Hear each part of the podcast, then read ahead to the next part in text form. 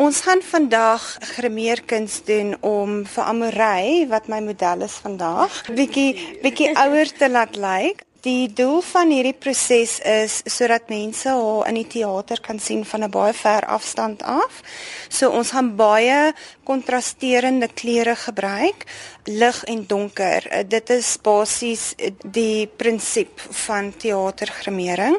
So wat sal jy eers doen? Ek sal eers 'n uh, onderlaag kies wat een skakering of twee skakerings ligter as haar natuurlike vel is. Jy moet ook die natuurlike verouderingsproses in ag neem. Ouer mense het 'n neiging om bietjie ligter en valer te wees in hulle gesigte as hulle ouer word en dan sal ons met die donkerder skakerings op die verskillende dele op die gesig begin. Dit is maar interessant dat jy noem dat jy die natuurlike verouderingsproses in ag moet neem.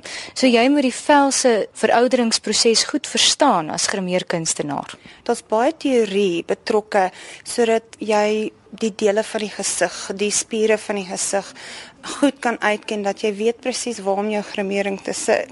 Ek sien jy's besig met daai kwassie. As jy nou klaar die basis opgesit het, wat gebeur dan? Dan gaan ons die donkerder skakerings op die gesig doen. Gewoonlik het jy hierdie donkerder skakering onder jou wangbene. So dan gaan ons dit eerstens insit. Dan gaan ons bietjie skakerings om die neus, om die liparea en dan daarna sal ons die plooie insit. Ek gaan nou met die skakerings gaan ek dan gaan vir so 3 kleure donkerder as 'n normale velkleur. Is party gesigte makliker om mee te werk as ander? As jy reeds iemand het wat klaar bietjie ouer is, dan maak dit dit vir jou makliker en hulle het bietjie plooie. Wat jy basies gaan doen is jy jy vat hulle natuurlike plooie wat hulle reeds het. Dan het jy basies 'n stensel om op te werk. Ah. Dit ah. klink verskriklik, maar dit werk. Dan kan jy net die lyne in die plooie teken. Maar Amorey is nog baie jonk, so ek gaan nou moet moet dink waar haar natuurlike plooie inval. Dan kan ons 'n foto neem en dan kan jy oor so 'n paar jaar kyk of dit is hoe jy lyk. Ek sien sy het uh, lekker lagplooitjies, so jy gaan hulle seker inwerk in jou plan. O, absoluut. Sy gaan definitief bietjie lagplooitjies hê. Nou gaan ek begin met die lyne, die plooie. Nou kan jy vir my bietjie frons, baie nee, baie frons. Dis so lyk nou baie vriendelike mens. Daar's nie regtig fronslyne nie. ja, nee, glad nie. Dink aan Morey sukkel om te frons. Ja klein bietjie. Het begin deur die wangbene in te kleur.